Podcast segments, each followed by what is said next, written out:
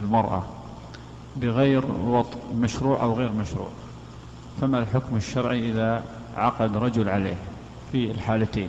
الحالة الأولى إذا اشترط والحالة الثانية إذا لم يشترط. هل له حق الفسخ أم لا؟ المعروف عند الفقهاء أن الإنسان إذا تزوج امرأة على أنها بكر ولم يشترط أنها بكر فإنه لا خيار له. وذلك لأن البكارة قد تزول بعبث من المرأة بنفسها أو بقفزة قوية تمزق البكارة أو بإكراه على زنا. فما دام هذا الاحتمال واردا فإن فإنه لا فسخ للرجل إذا وجدها غير بكر. أما إذا اشترط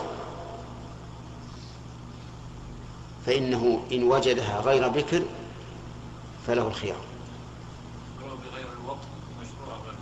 أي نعم إذا وجد غير بكر فله خيار. نعم.